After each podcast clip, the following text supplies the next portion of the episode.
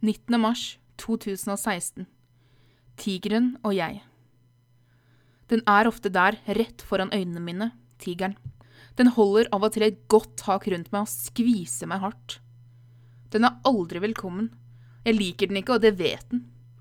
Det eneste jeg vil, er å slenge den inn i et bur og ha den på avstand, men så lett er det ikke. Jeg har ofte ønsket at noen andre kunne hoppe på den og drepe den, i det minste at de kunne slåss med den til den la seg rolig i et hjørne og aldri yppet seg mot meg igjen. Det er bare ett problem. Jeg er den eneste som ser den. Jeg har aldri sett tigeren med det blotte øyet, men jeg bruker den gjerne som metafor. Jeg sliter med sterk angst. Jeg er en ekspert på å leve med angst. Helt siden jeg var 19 år har jeg hatt problemer i variert styrke. Egentlig tror jeg at jeg har hatt en mildere form for angst helt fra tiårsalderen. Jeg husker godt det jeg husker som mitt første migreneanfall. Det var på 17. mai, og jeg var midt på skolegården, mellom mange mennesker. Plutselig fikk jeg en følelse av at jeg ikke var helt til stede.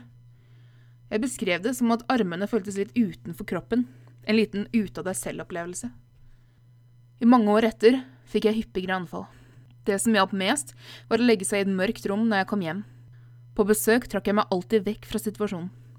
Det er mange ganger jeg har blitt tvunget til å sitte i en kald bil en vinternatt for å roe ned anfallet. Angst er en interessant tilstand. De aller fleste har opplevd å være livredd i sitt liv. Alle mennesker er født med angst. Menneskeheten hadde ikke overlevd lenge uten noe snev av angst eller frykt. Frykt er jo der for å beskytte oss. Frykt blir først et problem når man får angst av helt normale ting. Hvor ofte føler du at det er skummelt å gå i butikken? Noen dager kan et besøk på min lokale dagligvarehandel være et dagsverk med arbeid.